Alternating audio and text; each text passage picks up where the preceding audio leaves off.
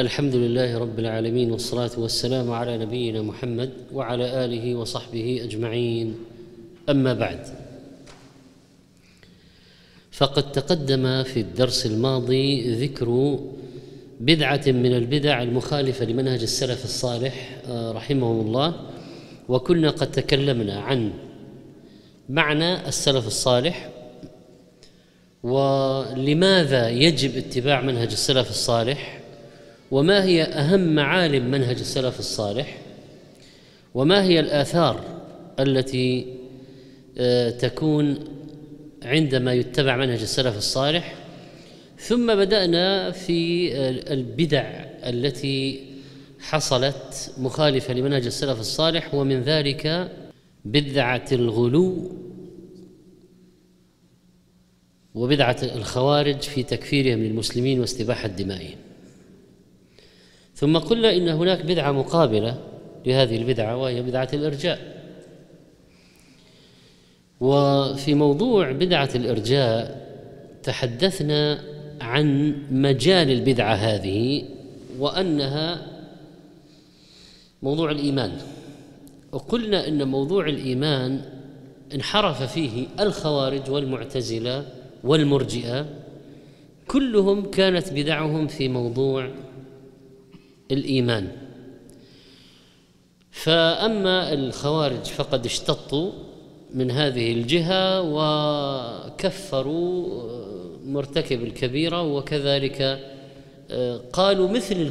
مثل المرجئة إن الإيمان كل لا يتجزأ ولا يتبعض وليس درجات فإما أن يحصل كله أو يذهب كله وبالتالي عند الخوارج العاصي حيث أنه قد ذهب من إيمانه ما ذهب بالمعصية وبما أن الإيمان كل لا يتجزأ فيعتبر بمعصيانه ذاهب الإيمان. ثم حلال الدم والمال طبعا جواز قتله وإلى آخره. المرجئة قالوا الإيمان كل لا يتجزأ ولذلك المعصية ما تأثر على الإيمان. فالإيمان باق كله عند العاصي. أهل السنة والجماعة الذين قالوا إن الإيمان يزيد وينقص كما دلت على ذلك الأدلة أيكم زادته هذه إيمانا؟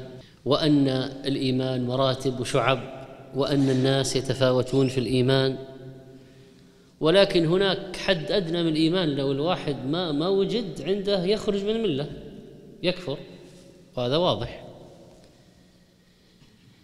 قلنا إن الإرجاء هو التأخير وذلك لأنهم أخروا العمل عن الإيمان وأن المرجئة مراتب.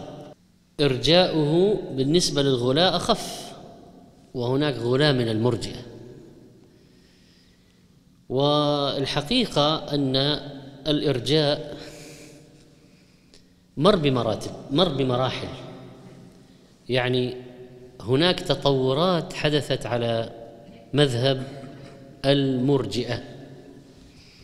هناك تطورات حدثت على مذهب المرجئة. فأول أمر حدث في الأمة فيما يتعلق في قضية الإرجاع على ما قال بعض العلماء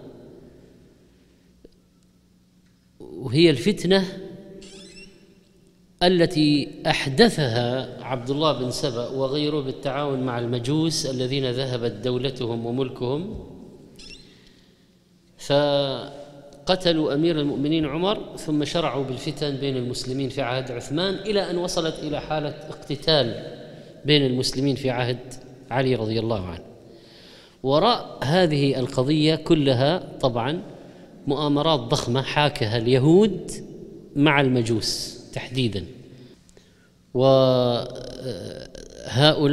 يعني المرجئة الذين تأثروا بقضية قتل عثمان وما حدث بعد ذلك من الفتنة بين المسلمين في عهد علي رضي الله عنه.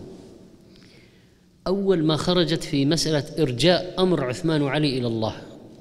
وعدم موالاتهما وعدم معاداتهما خرجوا ببدعة جديدة. عدم موالاتهما وعدم معاداتهما.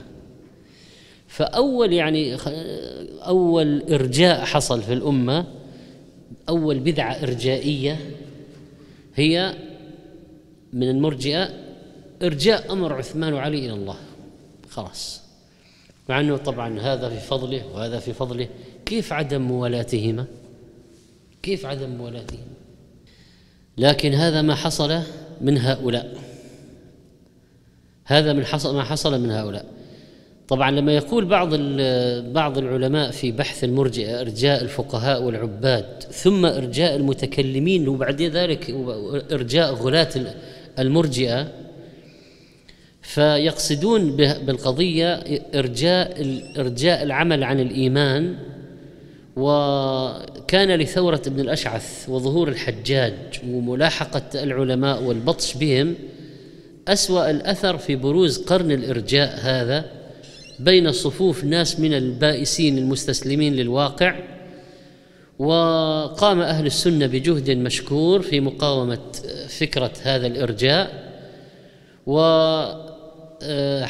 يعني لاحظ أهل العلم كالأوزاعي وإبراهيم النخعي وغيرهم. راح لاحظوا إنه يعني هناك نابتة جديدة تقول إن الأعمال غير الإيمان. فكأن هؤلاء عندهم اضطرار لقضية فصل العمل عن الإيمان ويقولون يعني في أعمال شنيعة في لكن أصحابها مسلمون. إذا أحسن شيء نفصل الإيمان عن العمل. فانتبه العلماء لهؤلاء. وقال الأوزاعي رحمه الله كان يحيى بن أبي كثير وقتادة يقولان ليس من أهل الأهواء شيء أخوف عندهم على الأمة من الإرجاء. إبراهيم النخعي الذي عاصر طبعا فتنة حجاج قال الإرجاء بدعة إياكم وهذا الرأي المحدث. إبراهيم النخعي يقول آه، عن المرجئة تركوا هذا الدين أرق من الثوب السابري يعني إنه صار الدين آه، أمره رقيق يعني أرق من الثوب السابري في غاية الرقة. فالدين متين والدين عظيم لكن المرجئة هؤلاء جعلوا الدين مثل الثوب الرقيق. ورغم أن بعض الذين بدأوا يعني بالإرجاء كان عندهم شيء من الزهد والعبادة لكن طبعا لم يكن عندهم علم راسخ. تصدى لبدعة الإرجاء أول ما خرجت الإمام وكيع بن مبارك الإمام وكيع وابن المبارك وابن معين والإمام أحمد والبخاري وأبو داود لأن غلاة المرجئة بدأ يظهر بدأوا يظهروا في عهدهم. وهذا ما كان يعني يسمى بإرجاء الفقهاء آه الذي فيه تأخير العمل عن الإيمان وإخراج يعني العمل من مسمى الإيمان. وهذه الشبهة انه قضية انه الإيمان لا يتبعض ولا ولا يتجزأ وليس مراتب إلى آخره أوقعتهم في هذا الانحراف. فإذا أساس الشبهة هي قضية ضلالهم في فهم الإيمان. وكما قلنا الإيمان عند أهل السنة والجماعة حقيقة مركبة من التصديق بالقلب وعمل القلب من الخوف والمحبة والرجاء والحياء والتوكل آه، إلى والإخلاص طبعا على رأسها وهكذا. وعمل اللسان آه، قول اللسان وهي الشهادتين. وعمل اللسان والجوارح للعبادات آه، البدنية والعملية. وهؤلاء يعني المرجئة فساد أمرهم بين لمن تأمل عقيدة الصحابة كما قلنا والتابعين وسلف الأمة وأن الإيمان يزيد وينقص ويجتمع في الإنسان الواحد إيمان وكفر أصغر وإيمان ونفاق أصغر. بس ما يمكن يجتمع عند أهل السنة إيمان وكفر أكبر ولا إيمان ونفاق أكبر. لكن ممكن يجتمع يعني طاعة ومعصية ويمكن يجتمع إيمان ونفاق أصغر وكفر أصغر وفي قلب واحد وانه الواحد وانه نحن نوالي الشخص بحسب الإيمان الذي عنده والطاعة والدين ونتبرأ ونعادي بحسب ما عنده من الكف من المعصية آه، والفسوق والعصيان من الفسوق والعصيان. وأن المؤمنين يتفاضلون في الأعمال ولذلك الجنة مراتب ودرجات. وأن التفاوت في الإيمان يدخل فيه التفاوت في أعمال القلوب فهذا يحب الله أكثر من هذا هذا يتوكل على الله أكثر من هذا هذا عنده حياء من الله أكثر من هذا وهذا يرجو الله أكثر من هذا ونحو ذلك. وعند هذا عنده خشوع أكثر من هذا هذا عنده يقين أكثر من هذا. هذا وكذلك فإنهم يتفاوتون في أعمال الجوارح فهذا صلاته أكثر من هذا هذا صيامه أكثر من هذا هذا تلاوة القرآن أكثر من هذا هذا أذكار أكثر من هذا. غلاة المرجئة ماذا قالوا وصل بهم الأمر إلى درجة أنهم قالوا الإيمان المعرفة فقط. إذا تعرف الله أنت مؤمن. لو ما نطقت بالشهادتين ولو ما صليت ولو ما زكيت ولو ما صمت وما حجيت ولا سويت ولو ما سويت ولا شيء من يعني أعمال العبادات من العبادات خلاص أنت مؤمن. وبالتالي يعني لما قال الله عن فرعون وجحدوا بها واستيقنتها أنفسهم معناها فرعون كان يعرف كان يعرف الله. فلما تمشي مع غلاة المرجئة كما قلنا يطلع عندهم فرعون مؤمن ويطلع عندهم الشيطان مؤمن ويطلع عندهم أبو جهل مؤمن.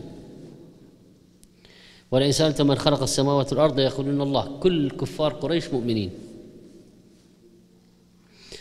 هذا الخط الأسوأ من المرجئة. كما قلنا المذهب تطور وأصبحت الظاهرة العامة للإرجاء في طورها النهائي آه، مكونة يعني من قضية أن الإيمان هو المعرفة فقط. طبعا بعضهم قال الإيمان هو التصديق يعني لكن بعض من الغلاة الغلاة قالوا معرفة فقط. وترى هذا ما هو موجود تجده أحيانا في كتب الأشاعرة والماتريدية في تعريف الإيمان. هذا هذه المشكلة يعني انه ناس تقول الإيمان هو المعرفة فقط. وبالمناسبة كثير من البدع نشأت من عناصر أجنبية عن الإسلام. يعني اللي اخترعوا المعتزلة واللي اخترعوا الرافضة واللي اخترعوا المرجئة واللي اخترعوا البدع. كثير منهم إبراهيم النظام المعتزلي هذا برهمي. كان يتخفى بالاعتزال فكرة الاعتزال. عبدك ثيو صوفي وبعضهم كان من المجوس. في واحد دخل في موضوع العقائد في المسلمين اسمه سوسن كان نصرانيا. ولبيد البلاعصم من قدامى هؤلاء كان يهوديا. أصحاب عقائد دخلوا في الإسلام لإفساده. وهم الذين أنبتوا هذه الفرق اللي 72 فرقة مؤسسو الفرق أو الذين ابتدأوها وأدخلوا الأفكار من هؤلاء. وبعضهم حاولوا الجمع بين الوحي والفلسفة فانحرفوا ضلوا خرجت فرق بسبب هذا الخلط محاولة الخلط بين الوحي والفلسفة بين الوحي ومنهج اليونان.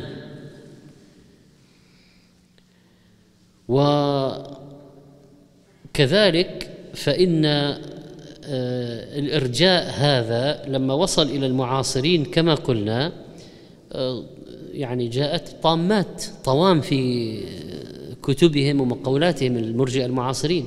فيقول أحدهم مثلا من لم ينطق بالشهادتين بغير سبب من الأسباب ولكن مصدق بقلبه فالقول الراجح أنه ناج عند الله. ومعروف أن الشهادتين هي مفتاح الإسلام. اللي ينطق بالشهادتين دخل في الدين وإذا واحد ما نطق بالشهادتين ما يدخل في الدين. شيخ الإسلام ابن تيمية رحمه الله قال من هنا يظهر خطأ قول جهم بن صفوان ومن اتبعه حيث ظنوا أن الإيمان مجرد تصديق القلب وعلمه ولم يجعلوا أعمال القلب يعني عمل القلب وعمل الجوارح لم يجعلوها من الإيمان. وظنوا أنه قد يكون الإنسان مؤمنا كامل الإيمان بقلبه وهو يسب الله ورسوله ويعادي أولياءه ويوالي أعداءه ويقتل الأنبياء ويهدم المساجد ويهين المصاحف ويكرم الكفار غاية الإكرام ويهين المؤمنين غاية الإهانة قالوا هذه كلها معاصي لا تنافي الإيمان الذي في قلبه. فوصل اذا الامر بهم يعني إلى هذه الدرجة. و لذلك حكم بعض العلماء الكبار على هؤلاء غلاة المرجئة بالكفر. قالوا هذول ما هم يعني المرجئة الأوائل المرجئة الأوائل لم يخرجوا من الملة أتوا ببدعة غير مخرجة. لكن غلاة المرجئة أتوا ببدعة مخرجة.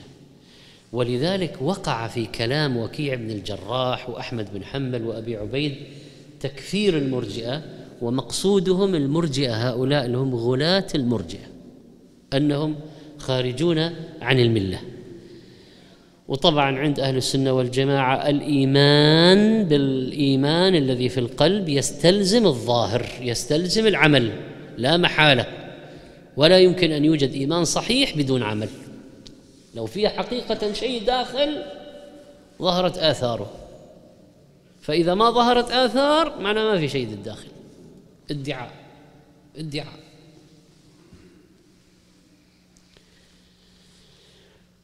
وبعض المرجئة تجد في كلامهم يعني تناقض وأشياء غريبة يعني كيف تقع؟ حتى أنك تقول كيف تقع؟ فيفترضون مثلا في كتبهم يقولون رجل في قلبي مثل من الإيمان مثل ما في قلب أبي بكر وعمر وهو لا يسجد لله سجدة ولا يصوم رمضان ويزني بأمه وأخته ويشرب الخمر في نهار رمضان ويقول عنه يقول عنه هذا ايمان كامل. بما انه عندهم الإيمان لا يتجزأ فالإيمان اللي عند أبي بكر وعمر هو الإيمان اللي عند هذا. فهذا كلام يعني أول ما يستس... يسمع المؤمن العادي حتى ما هو طالب علم يستوحش منه ينفر ويقول ما هذا ما هذا الهراء ما هذا الجنون. لكن هذه الفكر الإرجائي الذي أفرزته هذه الفرق المنحرفة والمتكلمون أهل العلم الكلام يعني. فأما أهل السنة والجماعة فإنهم يقولون الإيمان قول وعمل ونية مركب من الحقائق الأربعة قول القلب وعمل القلب قول اللسان وعمل اللسان والجوارح. يزيد بالطاعة وينقص بالمعصية. وهذه حقيقة الإيمان عند النبي صلى الله عليه وسلم وأصحابه. وأن يعني العبارات التي جاءت عن السلف في هذا واضحة جدا. ودائما في عقائدهم تتكرر الإيمان قول وعمل يزيد وينقص. وذكرنا أعداد العلماء الذين كانوا يقولون بهذا من السلف. وأن الأدلة على أن الإيمان قول وعمل ذكرناه في الدرس الماضي أنه يزيد وينقص. ذكرناه في الدرس الماضي اقتران العمل بالإيمان وإطلاق وما كان الله ليضيع إيمانكم ومن يأتي مؤمنا قد عمل الصالحات. حديث جبريل حديث شعب الإيمان الإيمان بضع وسبعون شعبة. حديث وفد عبد القيس أمرهم بالإيمان عز وجل قال هل تدرون ما الإيمان؟ قالوا الله ورسوله أعلم. قال شهادة لا إله إلا الله وأن محمد رسول الله وإقام الصلاة وإيتاء الزكاة وصوم رمضان وتعطوا الخمس من المغنم. طيب. هذه طبعا أشياء يعني أمرهم بها وفي أشياء نهاهم عنها. تعطوا الخمس من المغنم أمرهم بها ونهاهم عن الدباء والحنتم. وأشياء كان إذا وضعت فيها الأشربة تتخمر. و لا إيمان لمن آه، لا عمل له. هذه من القواعد. لا إيمان لمن لا عمل له. وأن الارتباط بين الإيمان والأعمال مثل ارتباط الروح بالجسد. مثل ارتباط الروح بالجسد.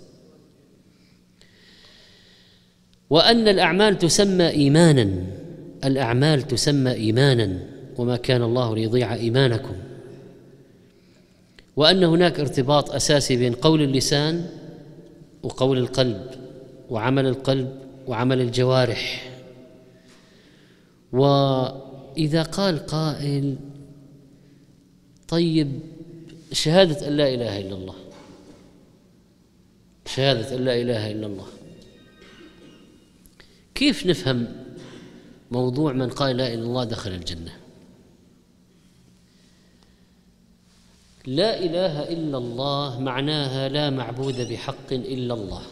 أشهد أن لا إله إلا الله أقر وأعترف اذعن وكلمة أشهد فيها إعلان كلمة أشهد فيها إقرار كلمة أشهد وما شهدنا إلا بما علمنا فيها علم. وفيها إذعان. فإذا واحد قال لا إله إلا الله بلسانه وعمله يناقض لا إله إلا الله. قال لا إله إلا الله بلسانه هو متمرد على لا إله إلا الله. هذا لا يمكن أن تكون شهادته صحيحة. وبعض الناس إذا جادلته في شأن كافر ولكن يقول لا إله إلا الله مثل الفرق هذه الباطنية.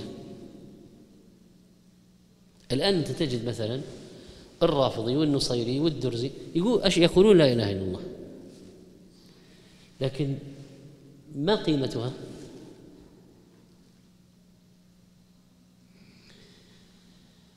بعض الناس عندهم قصور في فهم الأمر فإذا ناقشته في القضية لتقول له ترى هؤلاء ناقضوها. يقول لك طيب من قال لا إله إلا الله دخل الجنة؟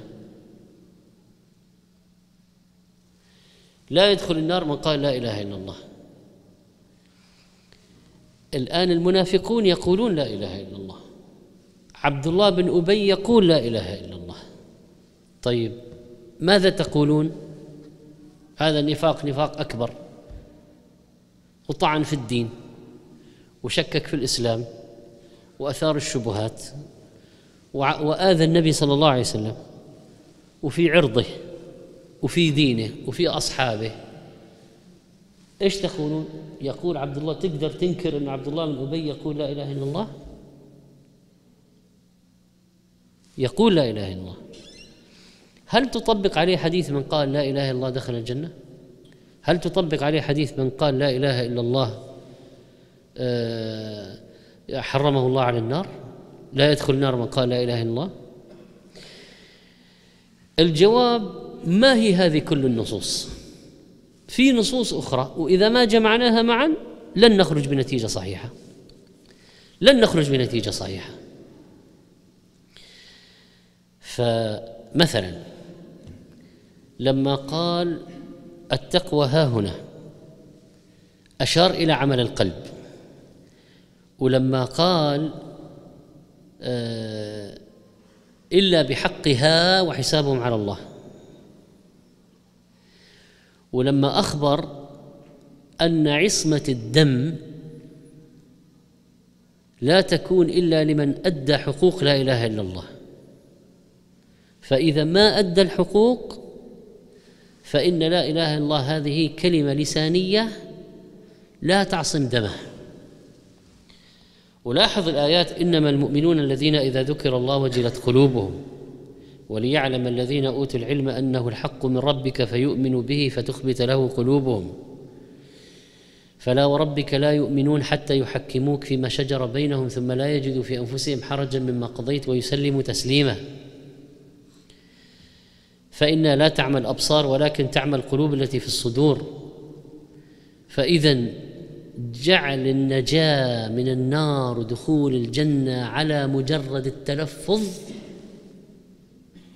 قصور عظيم. فإن من تلفظ وناقض كأنه لم يتلفظ. من تلفظ وناقض كأنه لم يتلفظ.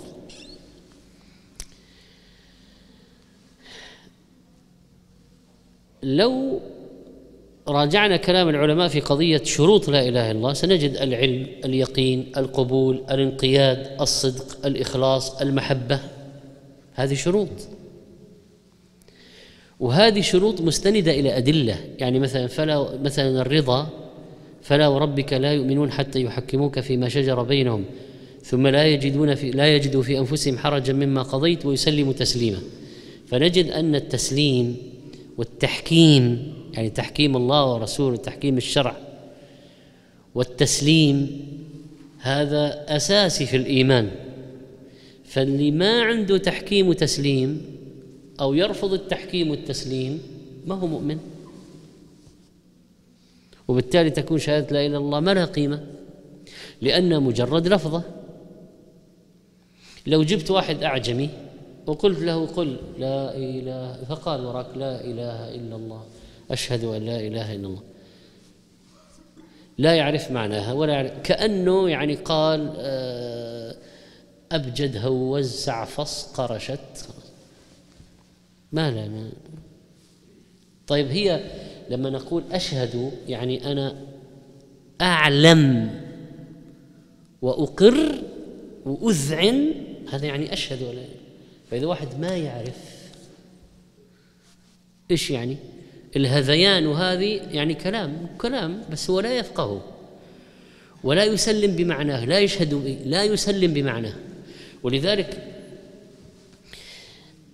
لو واحد قال أشهد أن لا إله إلا الله سنحكم له بالإسلام لكن إذا ناقضها خلاص. فالآن لما أسامة قتل الرجل النبي عليه الصلاة والسلام أنكر عليه أنه قتله. قال إنما قال اتقاء السيف. قال شققت عن قلبه؟ يعني لو واحد فعلا قال اتقاء السيف لو فعلا قال اتقاء السيف هل هو مؤمن؟ لا. لا. لكن من قواعد أهل السنة إنه نحن لما الواحد يقول أشهد أن لا إله إلا نحن نحكم له بالدخول في الإسلام. ثم تصرفاته كيف ماشية؟ إذا إذا سب الله ورسوله واستهزأ بالدين دعس عن مصحف ألقاه في القاذورات رفض تحكيم الشريعة إلى آخره هذا نسفها نسفا. ولذلك الشهادة أيضا مرتبطة بقضية الاستمرار عليها. يعني لو واحد أتى بها وناقضها خلاص ألغيت ما عاد لها قيمة. ألغيت. ولذلك المرجئة المعاصرون سبب في بلاء الأمة لأنهم يقولون إنه لابد أن تحكموا بالإسلام للي يقول لا إله إلا الله مهما فعل. رفض تحكيم الشرع طعن في الدين سب الله ورسوله استهزأ. بالأحكام الشرعية خلاص. حمك الله. و ولذلك يعني في أحاديث لا يؤمن من فعل كذا. والله لا يؤمن. طيب هذه قد تحمل على الإيمان كمال الإيمان لكن ممكن ممكن تكون في أشياء آه، أصل الإيمان. كيف نعرف؟ مثل آية مثل فلا وربك لا يؤمنون حتى يحكموك. هذه على أصل الإيمان ولا على كمال الإيمان؟ على أصل الإيمان. على أصل الإيمان. ولا يمكن اعتبار الكاره لحكم شرعي أنه مؤمن أو أنه يحب الله ورسوله. وكذلك اللي عنده شك اللي عنده شك في الدين طبعا ما يجي واحد يقول من وين تجيبه؟ بنجيب من القرآن. كرهوا ما أنزل الله فأحبط أعمالهم. يعني لو قال لك واحد إيش الدليل يعني؟ أنتم على كيفكم تدخلوا اللي تبغوا في الإسلام وتطلعوا اللي ما تبغوا على كيفكم؟ نقول لا.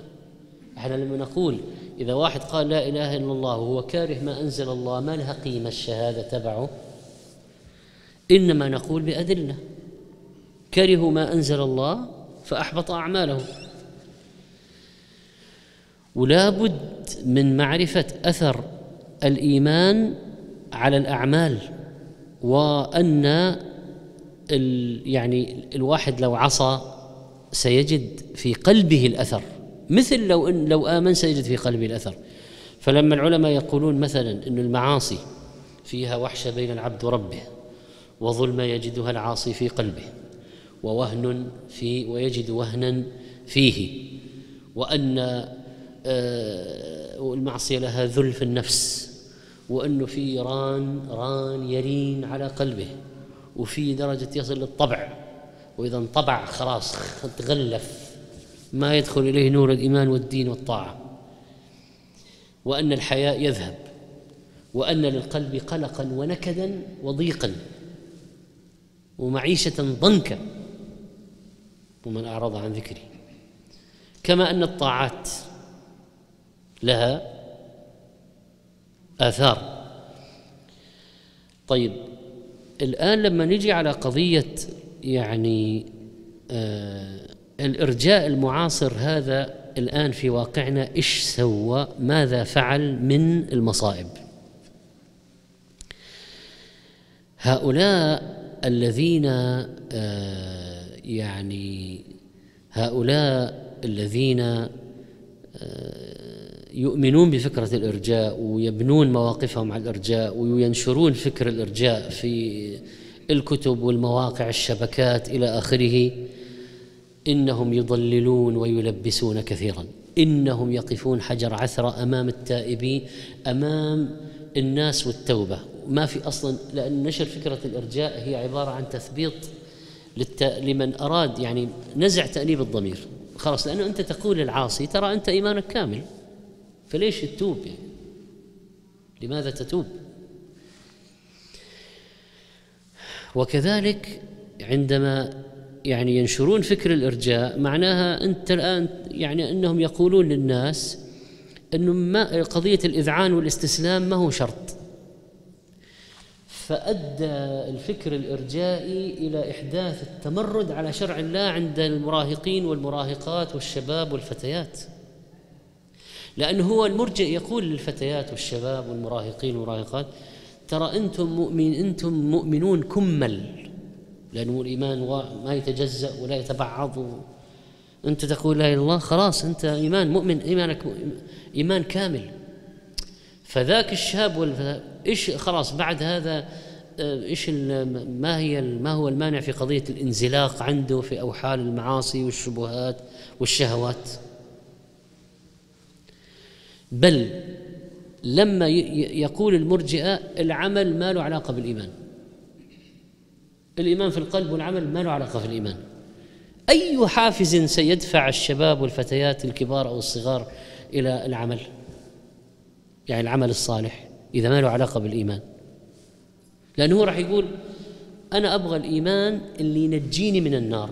حيقول له ما دام عندك إيمان ما دام عندك معرفة بالله ما دام عندك تصديق قلبي ما دام عندك آه، الإيمان القلبي خلاص يكفي. حيقول له طيب العمل شرط؟ يعني الطاعات لها علاقة بالإيمان؟ راح يقول له لا. راح يقول طب أنا إذا ارتكبت معاصي راح يزول الإيمان من عندي؟ راح يقول له لا. راح يقول له يعني أنا إيماني كامل مثل إيمان أبو بكر وعمر؟ راح يقول له نعم. المرجئ هذا المرجئ إيش أثر هذه على عامة الناس؟ لما تنشر أفكار مثل هذه ما هي أثرها على عامة الناس؟ ولما تقول لواحد إنه جنس العمل ما هو لازم في الإيمان كل يعني واحد ما عمل ابدا ولا عمل من أعمال الإسلام بس خلاص يقول الشهادتين وهو أصلا بل حتى بعض ما يشترط الشهادتين من المرجئه يقول خلاص ويكفي الإيمان القلبي. هذا يعني الرجل هذا المبدأ نشره سيعمل على إيجاد آه مسلمين بلا هوية كذا يعني على إيجاد مسلمين بالاسم. ولذلك لو واحد فكر وقال يا جماعة أنا فكرت في وضعنا ومشاكلنا وجدت إنه وضعنا ومشاكلنا إنه في كثير من الناس ينتسبون للإسلام بس ما عندهم من الإسلام إلا الاسم. من وين جاءت هذه الفكرة؟ من اللي يعني نشرها؟ من اللي ابتكرها اخترعها؟ كيف وصلت؟ نقول هذا هو الإرجاء هذه عقيدة قديمة ماشية. يعني في ناس عم تشتغل في الأمة من زمان على الخط هذا على الخط هذا. وعمل الجوارح ما هو شرط في الإيمان ولا ركن من لصحة الإيمان. طيب وماذا؟ يقول سفيان سفيان بن عيينة عن الإرجاء لما سئل قال يقولون المرجئة الإيمان قول ونحن نقول الإيمان قول وعمل والمرجئة أو أو أوجبوا الجنة لمن شهد أن لا إله إلا الله مصرا بقلبه على ترك الفرائض وسموا ترك الفرائض ذنبا بمنزلة ركوب المحارم وليسوا بسواء لأن ركوب المحارم من غير استحلال المعصية وترك الفرائض يقول سفيان بن عيينة من السلف الصالح وترك الفرائض متعمدا من غير جهل ولا عذر كفر. هذا كلام مهم جدا. يعني عند أهل السنة في فرق بين فعل الواجب وترك المحرم. في فرق بين الواجب والحرام. لو سويت الواجبات وارتكبت محرمات أنت مؤمن ناقص الإيمان. لكن لو ما ت... لو ما سويت واجبات أصلا لا تكون مؤمنا أصلا. ولو تركت كل المحرمات. يعني لو واحد قال أنا ما أصلي ولا أزكي ولا أصوم ولا أحج ولا أصل الرحم لا أمر معروف لا أنهى عن المنكر ولا أتعلم دين الله ولا اعلم ولا أعمل به ولا بس ترى أنا ما أزني ولا أشرب الخمر ولا أكذب ولا أرشو ولا أسرق ولا أغط نقول لست مؤمنا. لست مؤمنا. كلام سفيان بن عيينة مرة أخرى مهم جدا. يقول المرجئة أوجبوا الجنة لمن شهد أن لا إله إلا الله مصرا بقلبه على ترك الفرائض.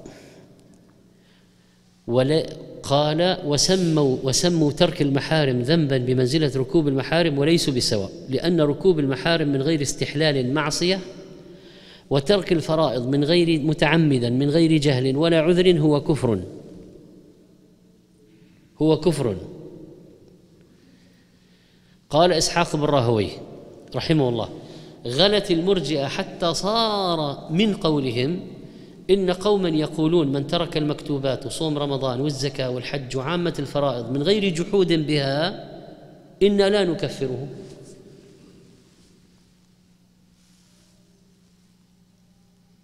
قال فهؤلاء المرجئه الذين لا شك فيهم. طبعا من العبارات اللي وردت عنهم إنهم قالوا نرجئ أمره إلى الله وهذا من أسباب تسميتهم المرجئة لكن ما حكموا عليه بالكفر. وأهل السنة يحكمون على تارك العمل بالكلية يحكمون عليه بالكفر. وترك العمل بالكلية دليل على أنه كذاب في قول لا إله إلا الله. لو كان صادقا لظهر آثارها ما يركع لله ركعة ما يسجد لله سجدة ما يصوم لله يوما ما يؤدي ريال زكاة ابدا. في فتوى اللجنة الدائمة. هذه المقالة المذكورة مقالة المرجئة الذين يخرجون الأعمال عن مسمى الإيمان ويقولون الإيمان هو التصديق بالقلب أو التصديق بالقلب والنطق باللسان فقط. وأما الأعمال فإن عندهم شرط كمال. إيش الفرق بين شرط الصحة وشرط الكمال؟ شرط شرط الصحة إنه إذا فقد انتفى انتفى كله خلاص. لما يقول هذا شرط صحة الإيمان هذا في صحة الإيمان معناه إذا انتفى انتفى الإيمان. لكن لو قلت هذا كمال هذا من كمال الإيمان لو انتفى ما انتفى أصل الإيمان لكن نقص الإيمان. نقص لكن ما انتفى. شرط الصحة وشرط الكمال. أهل السنة يقولون عن الأعمال عن جنس الأعمال مو عن عمل معين عن كل الأعمال. يقولون شرط صحة ولا شرط كمال؟ شرط صحة. المرجئة يقولون عن الأعمال انها شرط إيش؟ كمال. هذا يعني عند بعضهم ولا بعضهم يقول أبد ما هي لا ما لها علاقة أصلا بالإيمان. قال في فتوى اللجنة فمن صدق بقلبه ونطق بلسانه فهو مؤمن كامل الإيمان عندهم. ولو فعل ما فعل من ترك الواجبات وفعل المحرمات ويستحق دخول الجنة ولو لم يعمل خيرا قط. وهذه مصيبة هذه مصيبة على سلوك الأفراد. اللي ولو نشر هذا المذهب هذا المذهب لو نشر إنه أنت تستحق الجنة لو ما عملت خيرا قط لو ما عملت شيء من الدين بس إنك مصدق بوجود الله. بس. معترف إنه في الله خلاص أنت في الجنة. ليش يعمل ليش تقوم الناس لصلاة الفجر من النوم؟ ليه؟ ليه يقاومون أنفسهم يخرجون أموال زكاة؟ ليه؟ ليش يجوعون في نهار رمضان؟ لماذا؟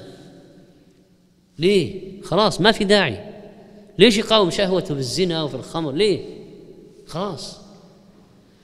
فإيش أحسن من كذا؟ يعني بالنسبة للي يبغى يتبع هواه ما في أحسن له من دين المرجئة. فتخيل لما ينتشر هذا في الأمة.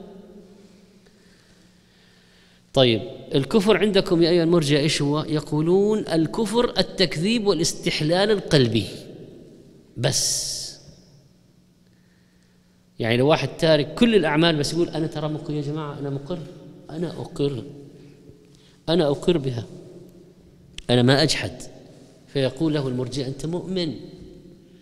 فنقول له متى يكفر؟ ما عندكم شيء اسمه كفر أبدا يعني؟ يقولون لا في عندنا اللي اللي اللي يستحل الحرام ويعني يجحد الواجبات هذا هو الكافر. بس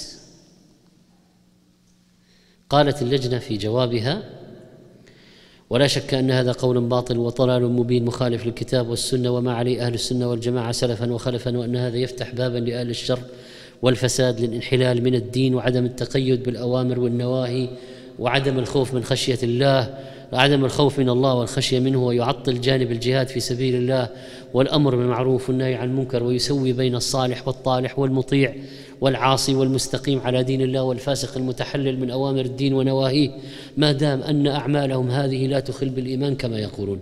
انتهت فتوى اللجنة. ومن المرجئة المعاصرين يعني حاول يلفق يلفقوا يلفقوا شيء بين منها يعني أهل السنة وبين المرجئة فقال بعضهم عمل الجوارح ركن في الإيمان لكن تاركه بالكلية من غير عذر مسلم تحت مشيئة الله إن شاء عذبه وإن شاء غفر له. أنتم ملاحظين التطويرات؟ يعني أنه في ناس بتطور بتطور في البدعة. يعني مثلا لما يهاجمون فيقولون لا لا طيب إحنا عندنا حل عندنا حل عندنا حل. هذا بعض بعض شغل مرجئ المعاصرين يقولون عندنا حل.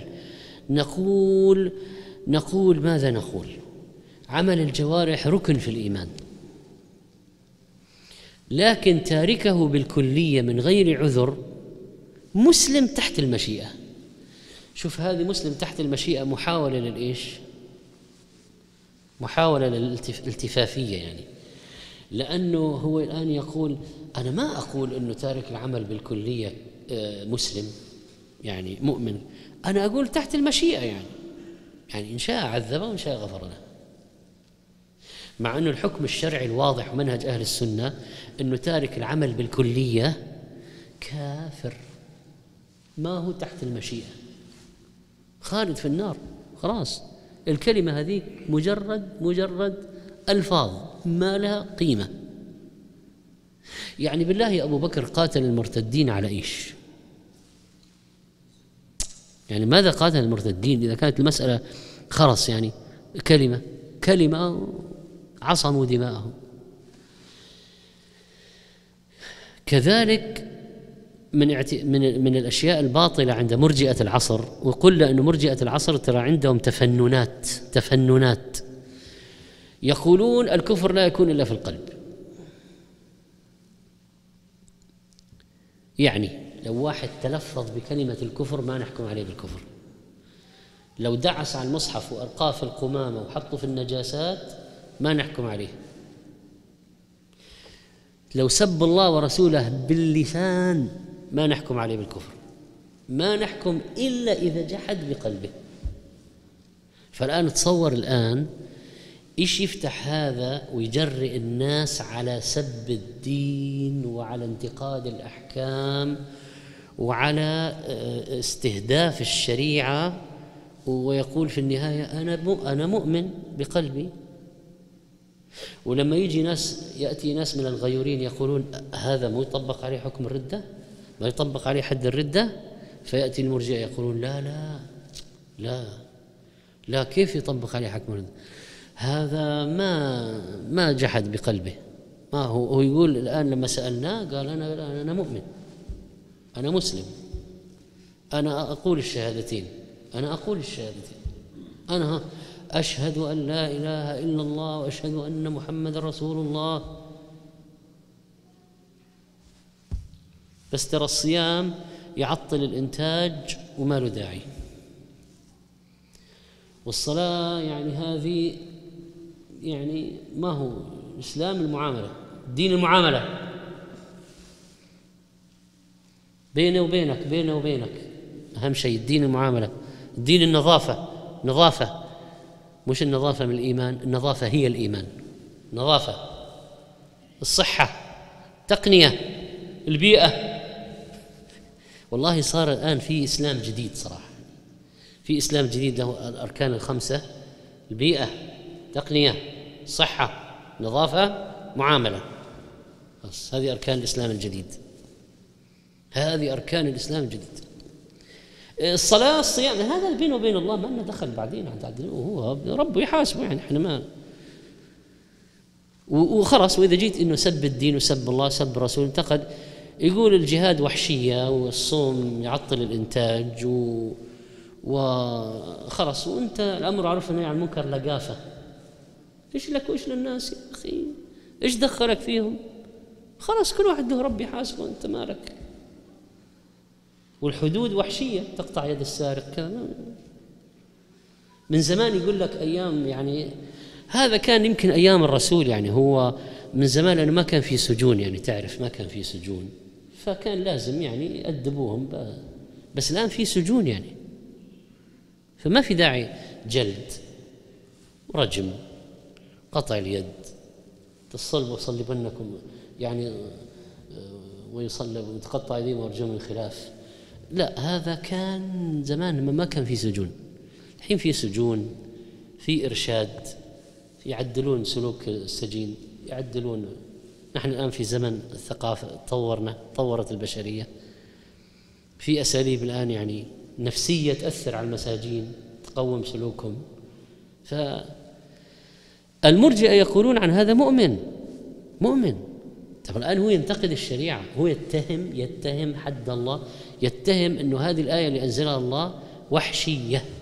حدود هذه. والسارق والسارقة فاقطعوا أيديهما وحشية. الزانية والزاني فاجلدوا كل واحد منهم تخلف. حد الردة أكبر عدوان على الحريات. أكبر عدوان على الحريات حد الردة. يبغى يطلع من الدين يبغى يدخل الدين انت مالك؟ إيش دخلك أنت؟ خليه يطلع بكيفه خلاص. وبالتالي يصبح الدين بوابة بدون بواب. خلاص. اللي يبغى يدخل يدخل اللي يبغى يطلع يطلع اللي يبغى يكفر يكفر اللي يبغى يسلم يسلم اللي يبغى يجحد يجحد اللي يبغى يقر يقر. وكل من على دينه. الله لا يعين إلا المسلمين طبعا ولذلك يعني صارت قضية أن الكفر لا يكون إلا بالقلب هذه نتيجتها. هذه نتيجتها.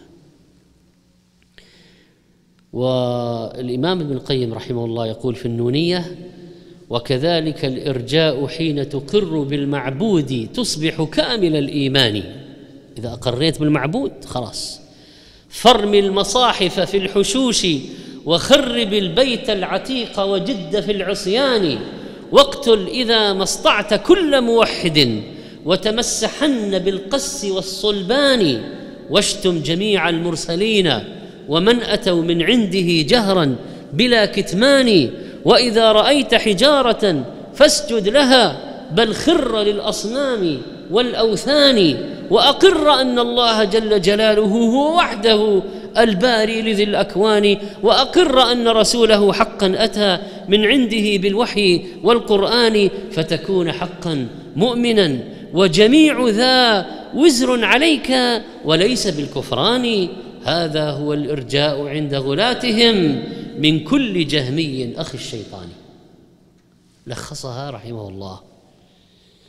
بعض المعاصرين من المرجئة والحركات الالتفافية قالوا أيوه نطلع لكم طلعة الآن نعطيكم يعني كذا تنازل.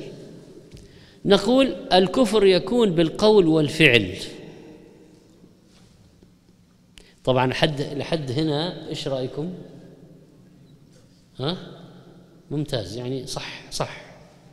الكفر يكون بالقول والفعل. ولكن لا نكفر المعين إلا إذا اعتقد أو استحل. يا فرحة ما تمت. لأنه الآن أنت لما تقول يعني الكفر بالقول والفعل هذا عند أهل السنة. أنه إذا سب الله ورسوله أو قال حد الفلاني وحشية كافر. خلاص كافر خارج عن الملة. وبالفعل إذا رمى مصحف في النجاسات ودعس عليه خلاص كافر بالفعل.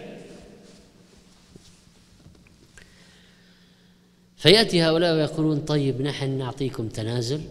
الكفر يكون بالقول ويكون بالفعل ولكن هو المشكلة ولكن أن ما بعدها ممكن يهدم ما قبلها. ولكن ما نحكم على الشخص المعين. يعني إذا واحد سب الله ورسوله اسمه زيد فرضنا ما نحكم على زيد هذا اللي سب الله ورسوله بالكفر إلا إذا استحل بالقلب. يا ابن الحلال هو إذا سب إيش باقي بعدين؟ استحل ما استحل. خلاص يعني إذا سب الله ورسوله يعني واحد سب الله ورسوله طائعا مختارا عاقلا مو سبه في النوم ولا هو سكران حتى نحن سكران له حل حد. واحد كذا سب الله ورسوله يقظان هو طواعية. ما هو مكره. عالما ذاكرا مختارا. إيش تقول يستحل ولا يست... إذا كان مستحل بقلبه شلون يعني؟ يعني في واحد يسب الله ورسوله ويقول لا لا أنا أعتقد أنه يحرم سب الله ورسوله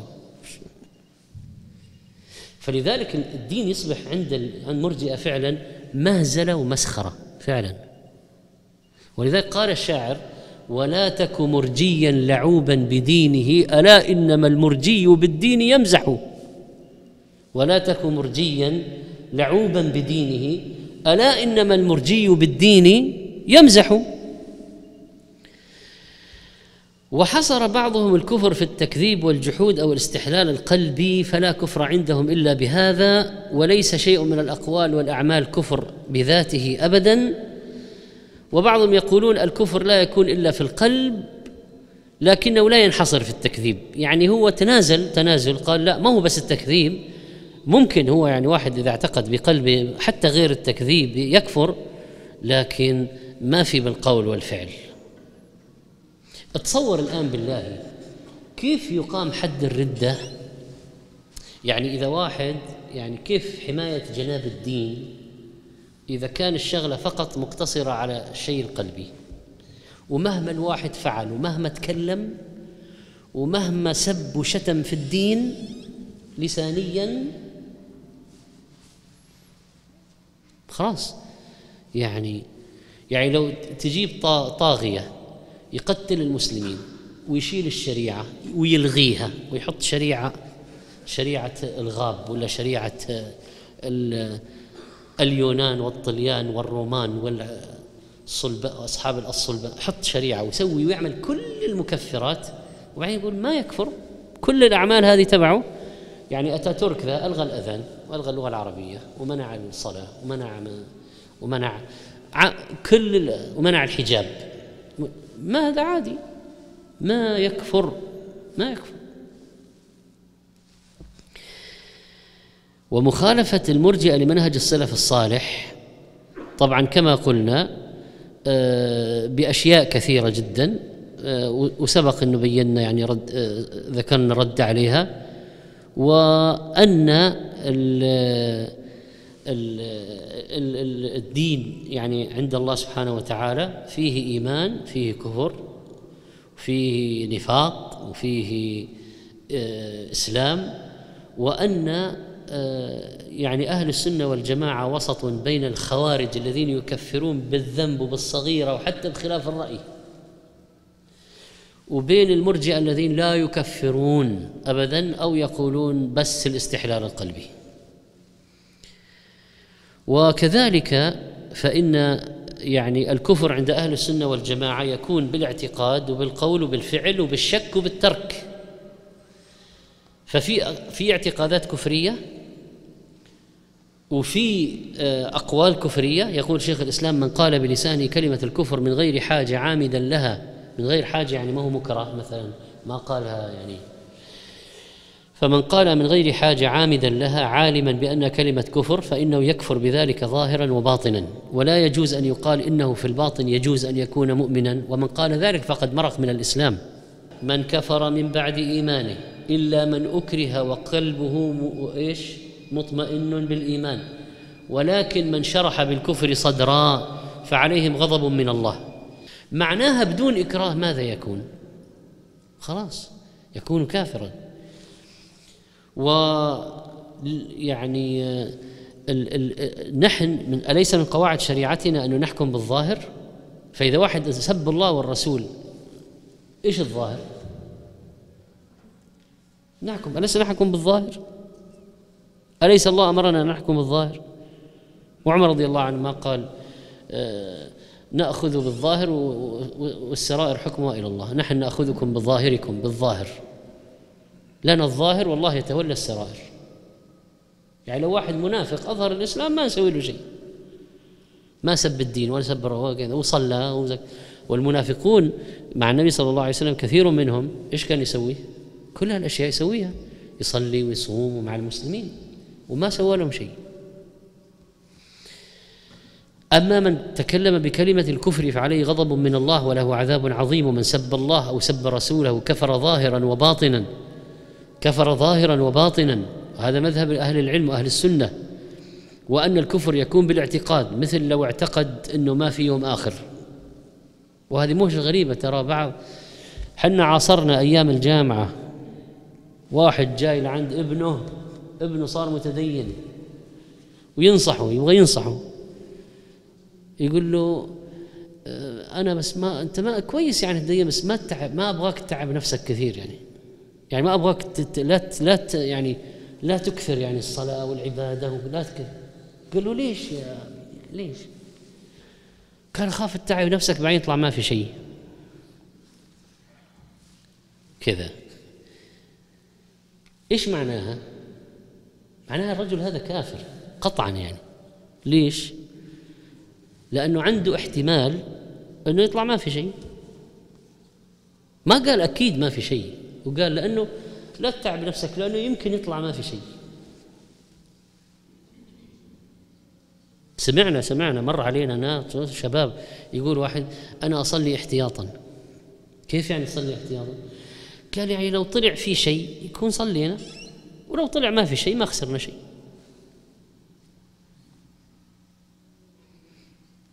هذا ترى هذا كافر على طول لأنه من شك في البعث من شك في البعث كفر. حتى لو صلى وصام وقال أشهد أن لا إله إلا الله أشهد أن محمد. هذا إذا شك في البعث على طول يكفر. خلاص. النفاق الأكبر مثال على الكفر القلبي. الكفر بالقول سب الله والرسول والاستهزاء بشيء من الدين دعاء غير الله الاستغاثة الاستغاثة الشركية. استغاثة الاستغاثة بالأموات أو الأحياء فيما لا يقدر عليه إلا الله. الكفر اللي بالعمل مثل السجود للصنم ذبح لغير الله رمي المصحف في النجاسات عمدا. كفر الشك كما قلنا الشك في اليوم الآخر شك أن الله يقدر يحيي العظام. شك. الشك في وجود الملائكة. الكفر بالترك عند الصحابة مثل مثال ترك الصلاة بالكلية. طيب وبال يعني بال متفق عليه عند أهل السنة أنه تارك العمل بالكلية كافر. تارك عمل الكلية. قلنا أنه مذهب المرجئة أدى إلى الانحراف في فهم لا إله إلا الله وصار عندهم أي واحد يقول أشهد حتى رافضي نصيري درزي اللي هو قال أشهد لا إله إلا الله مسلم. مع إنه لو جيت تقول له أنت إيش عندك الصلاة؟ إيش عندك؟ عرف اللي يقول الصلاة فيقول حسن وحسين ومحسن وعلي وفاطمة خلاص إذا قلتها صليت. الصيام حفظ أسرار الطريقة، الحج الذهاب إلى شيخ الطريقة، المن خلاص وهو يقول أشهد أن لا إله إلا الله، أشهد أن محمد رسول الله. فإذا من أسوأ ما فعله المرجئة آثاره في الواقع آه إفساد حقيقة الشهادتين ومعناها وإنكار شروط لا إله إلا الله. خلاص ما لها شروط ما لها شروط. وعندهم أي اتفاقية دنيوية أي عقد كذا عقد عقد بين شركتين فيه عشرين شرط خمسين شرط وتفسير وبنود وإذا جيت للعقد اللي بين الإنسان وربه ما له شروط عندهم ابدا مجرد لفظة. لا يرضونها في معاملة دنيوية وبالعقد اللي بين المسلم وربه صارت مجرد كلمة باللسان. طيب وين وين أمرت أن أقاتل الناس حتى يقولوا لا إله إلا الله؟ فإذا قالوا لا إله إلا الله عصموا مني دماءهم وأموالهم إلا بحقه وحسابهم على الله. وينه؟ وين لا إله إلا الله مفتاح وإذا ما له أسنان ما يفتح لك والاسنان هي العمل. وين كلام السلف في هذا؟